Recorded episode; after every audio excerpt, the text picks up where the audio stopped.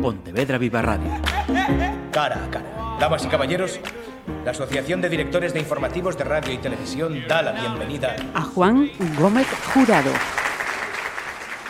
Saludos, voy a comenzar este cara a cara con un acto de sinceridad y es el, el vértigo que da hacer una entrevista, un programa al autor más leído en España, traducido a decenas de idiomas y que además también es periodista y maneja eh, todos los formatos, incluido este en el que estamos, que es el, el podcast.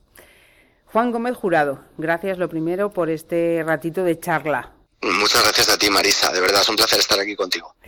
Eh, Juan, este mes eh, pasado de octubre has publicado Todo Arde, una novela que también eh, enmarca un género que te he escuchado, se corresponde con el género No puedes parar. Así que hay que recomendar a tus lectores que tengan en cuenta esta circunstancia cuando abran la portada de Todo Arde. Mm, me temo que sí que esto, esto hay que, hay que hacerlo, hay que, hay que organizar, hay que organizarse la vida en torno a esta circunstancia. Si una de las cosas que más me dicen, Marisa, y que de la que yo más me enorgullezco, es de cuando hago perder a la gente trenes, aviones, pasar separadas de autobús y de metro, eh, porque estaban enfrascados leyendo mis libros y por descontado esto que comentabas tú antes, de, quedarse despierto hasta altas horas de la mañana y llegar tarde al trabajo o con ojeras.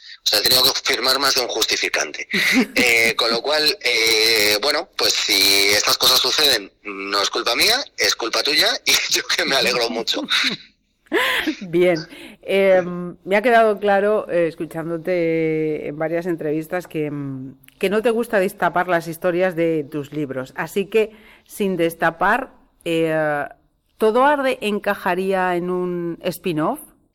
No, no, no es, simplemente una historia que ocurre en un lugar muy concreto, en un, en un universo muy concreto como es el universo Reina Roja, que es este, este Madrid eh, mío y esta España que compartimos, o muy parecido al menos, pero no es exactamente igual.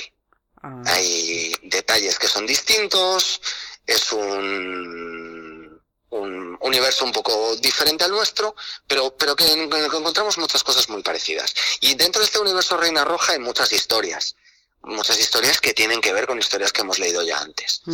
Y una de ellas es esta historia de Aura Cera y Maripaz, que son tres mujeres muy eh, diferentes entre sí y que tienen problemas también muy distintos entre sí, de distintos orígenes, empezando por Aura, que va a ser encarcelada por un delito que no ha cometido, pero que de repente descubren que la solución a sus problemas es común. Y a partir de aquí comienza la historia. Ajá.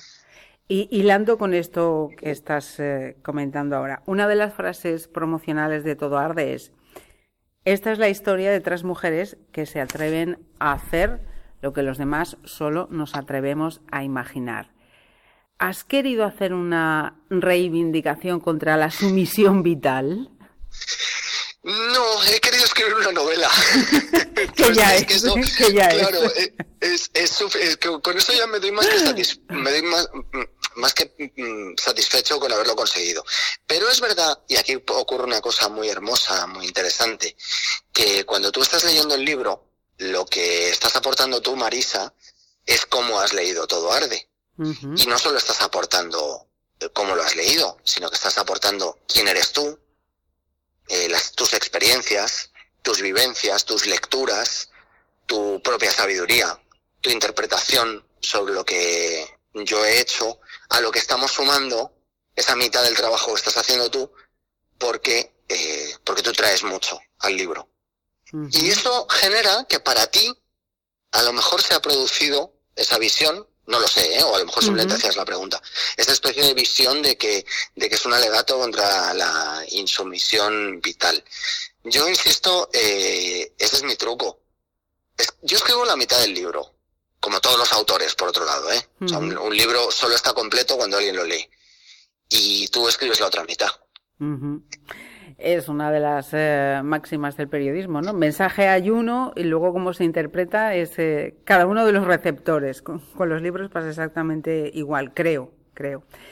Otra cuestión, tienes contado también varias eh, veces cómo son tus hábitos de, escritura, ¿no? Es una, una fase en la que, digamos, tú, tus marcas, tú marcas tus tiempos y también tus, tus exigencias.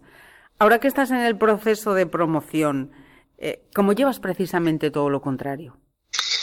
No, muy bien. no muy bien, de verdad, ¿eh? Em, no, no, no te creas tú que me acaba de, que me acaba de convencer el, el hablar una y otra vez con, con tantos compañeros y, y, estar todo el rato pegado al teléfono, porque me gustaría a lo mejor pararme a, pensar un poco o tener un poquito de tiempo. Es verdad que los días como hoy son días de vértigo absoluto. Y sin embargo, cuando llegas a la cama, te alegras porque te das cuenta de que has tenido un montón de conversaciones valiosas y significativas, a pesar de que ahora mismo yo preferiría estar, por ejemplo, comiendo. seguro, seguro. o, descansando un poco. Pero sin embargo ha sido hermoso y ha sido bonito que, compartir este tiempo y, terminas el día diciendo, joder, qué guay. Pero es cansado, ¿eh? es cansado también. Mira, ya que estás en, en Galicia, tengo que, que decir a los eh, lectores gallegos que abran todo arde, que van a mm, encontrarse con un guiño cómplice de Gómez eh, Jurado. ¿Puedo decirlo, definirlo así? Por supuesto, claro que sí. Juan, estamos hablando de, papel, ¿no? El papel ha tenido, tiene y tendrá su encanto sin duda alguna. Pero también eh, encontramos en formato audiolibro. ¿Cómo es también ese salto? pues escucharlo es extraño. A mí me ha sucedido en la cabeza que de repente mientras estaba eh, escuchando a Nikki García, que es la narradora de los libros, yo decía, es que son, es que son, es que son ellas, es que es Aura, es que es Ceres, que es Maripaz, pero al mismo tiempo, mientras que los oyentes, los lectores o los audiolectores eh, pueden disfrutarlo, a mí no. A mí no, a mí no me gusta. Pero no me gusta no, no por nada, sino porque es que me resulta muy extraño escuchar mi propia voz en la, en la voz de otra persona. A pesar de que sea alguien con tantísimo talento. Así que probablemente sea la única persona del mundo que no puede disfrutar de la voz de Nicky García cuando está contando una de mis historias, pero bueno, tengo las de todos los demás autores cuando ya, cuando ya leo otro libro para, para hacerlo. Para poder hacerlo. Vuelve en sí apenas un par de minutos más tarde. A través de la ventanilla trasera, la mole de la puerta de Alcalá se cierne sobre ella durante un par de segundos, antes de que el coche se ponga de nuevo en marcha y tan solo quede el tapiz negruzco del cielo de Madrid, interrumpido por alguna farola, a medida que bajan por Alcalá hacia Recoletos. ¿Está usted bien? El policía se ha vuelto hacia ella con genuino interés en los ojos. Quizás se siente mal por haberle estampado la cabeza contra el coche por mucho que haya sido culpa de Aura, que se estaba revolviendo como si estuviera poseída. ¿Dónde me llevan? Ya lo sabe. No, no lo sé. Y es la verdad. Por mucho que los agentes hayan asumido que es una miembro de pleno derecho de la Hermandad del Delito, este es el primer arresto de Aura. No tiene experiencia alguna sobre qué hacer, cómo comportarse o, lo que es más necesario, mantener la calma. No cometas un error como el de antes, piensa. No pueden descubrir lo de las niñas. Respirar hondo. Encontrar el equilibrio interior. Las palabras vuelven a ella, derechitas de un vídeo de mindfulness que vio en YouTube, en perfecto venezolano. El problema se produce cuando el mindfulness se solapa con la voz del policía alto que contesta a la radio. Recibido, central. Vamos camino de Plaza Castilla. No importa una parada más. Gracias, Z50. Cambio y cierro. Se despide una voz femenina. En el asiento de atrás, Aura termina de asimilar la información en su cerebro como quien recibe a un visitante no deseado. Una prima que llega en plena noche lluviosa, empapada hasta las orejas y a la que no queda más remedio que acoger en el sofá nuevo.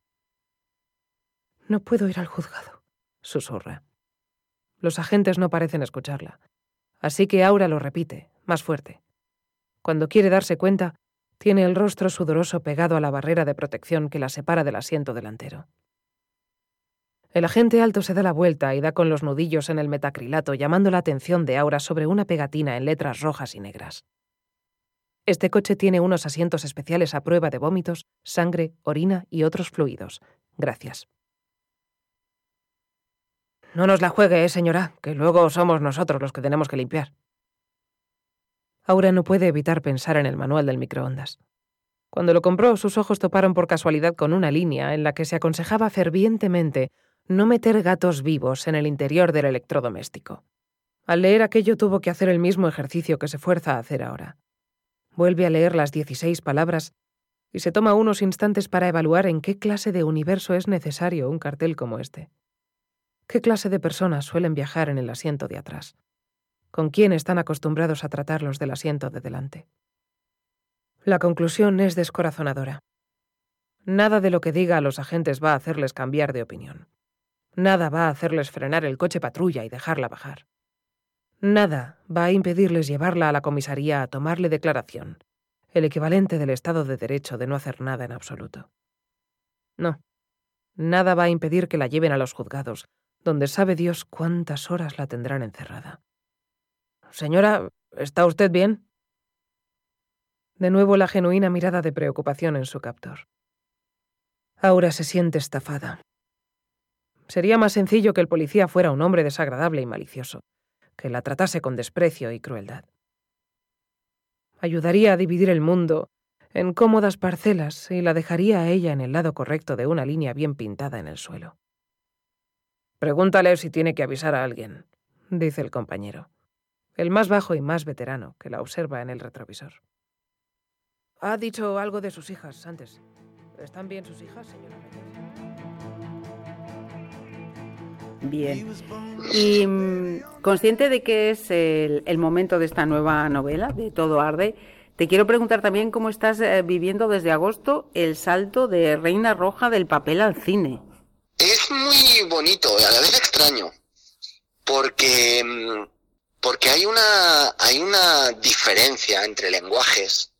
O sea, la historia es la misma, la historia es la misma, pero los, los lenguajes, la manera de contar las cosas, la manera en la que te relacionas tú con tu propia historia cuando está pasando por otras manos, es un proceso, es un camino, es un viaje, es un aprendizaje, sobre todo por mi parte, que soy nuevo en este, en este, en este sector, en este ámbito comunicativo. En, este mundo. Así que eh, lo que lo que me está pasando por la cabeza y por el corazón es a la vez emoción por encontrar algo nuevo y, y también cansancio por la paliza que me estoy pegando con, con, con todo y al mismo tiempo eh, enorme alegría por ser capaz de aprender cosas nuevas. O sea, el, hecho de sentarme con, con Amaya Muruzábal y con Salvador Perpiñá a um, pergeñar la historia que nos ha llevado años, a intentar con, encontrar la manera de trasladarlo al cine, encontrar la manera en la que hablaban los personajes cuando lo hacían ya como personas de carne y hueso, ¿no? Con los papeles de Joviki eh, Keutskerian y de Vicky Luengo. Todo eso ha sido un viaje y sigue siéndolo, pero increíblemente bonito. Yo ayer estaba revisando las fotografías del making of, que pues, llevamos una cámara a todos lados, y me he dado cuenta de que en el 95% de las fotos que nos habían hecho, estamos riéndonos.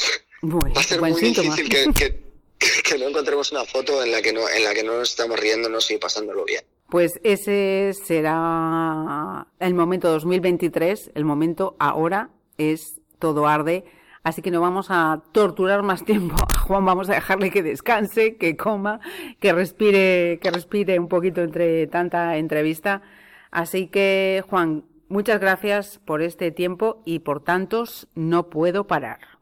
Muchas gracias a ti, Marisa, por haberme regalado el concepto insumisión vital, que no mm. existía en mi vocabulario, pero que a partir de ahora no lo voy a olvidar. Un saludo. Un saludo. Pontevedra Viva Radio. ¿Me permiten que les haga un comentario como espectadores del programa Cara a Cara? Según un reciente sondeo de mercado, ustedes disponen de estudios e inteligencias superiores a la media. Sus intereses abarcan desde la actualidad mundial y la ciencia hasta el deporte y los espectáculos.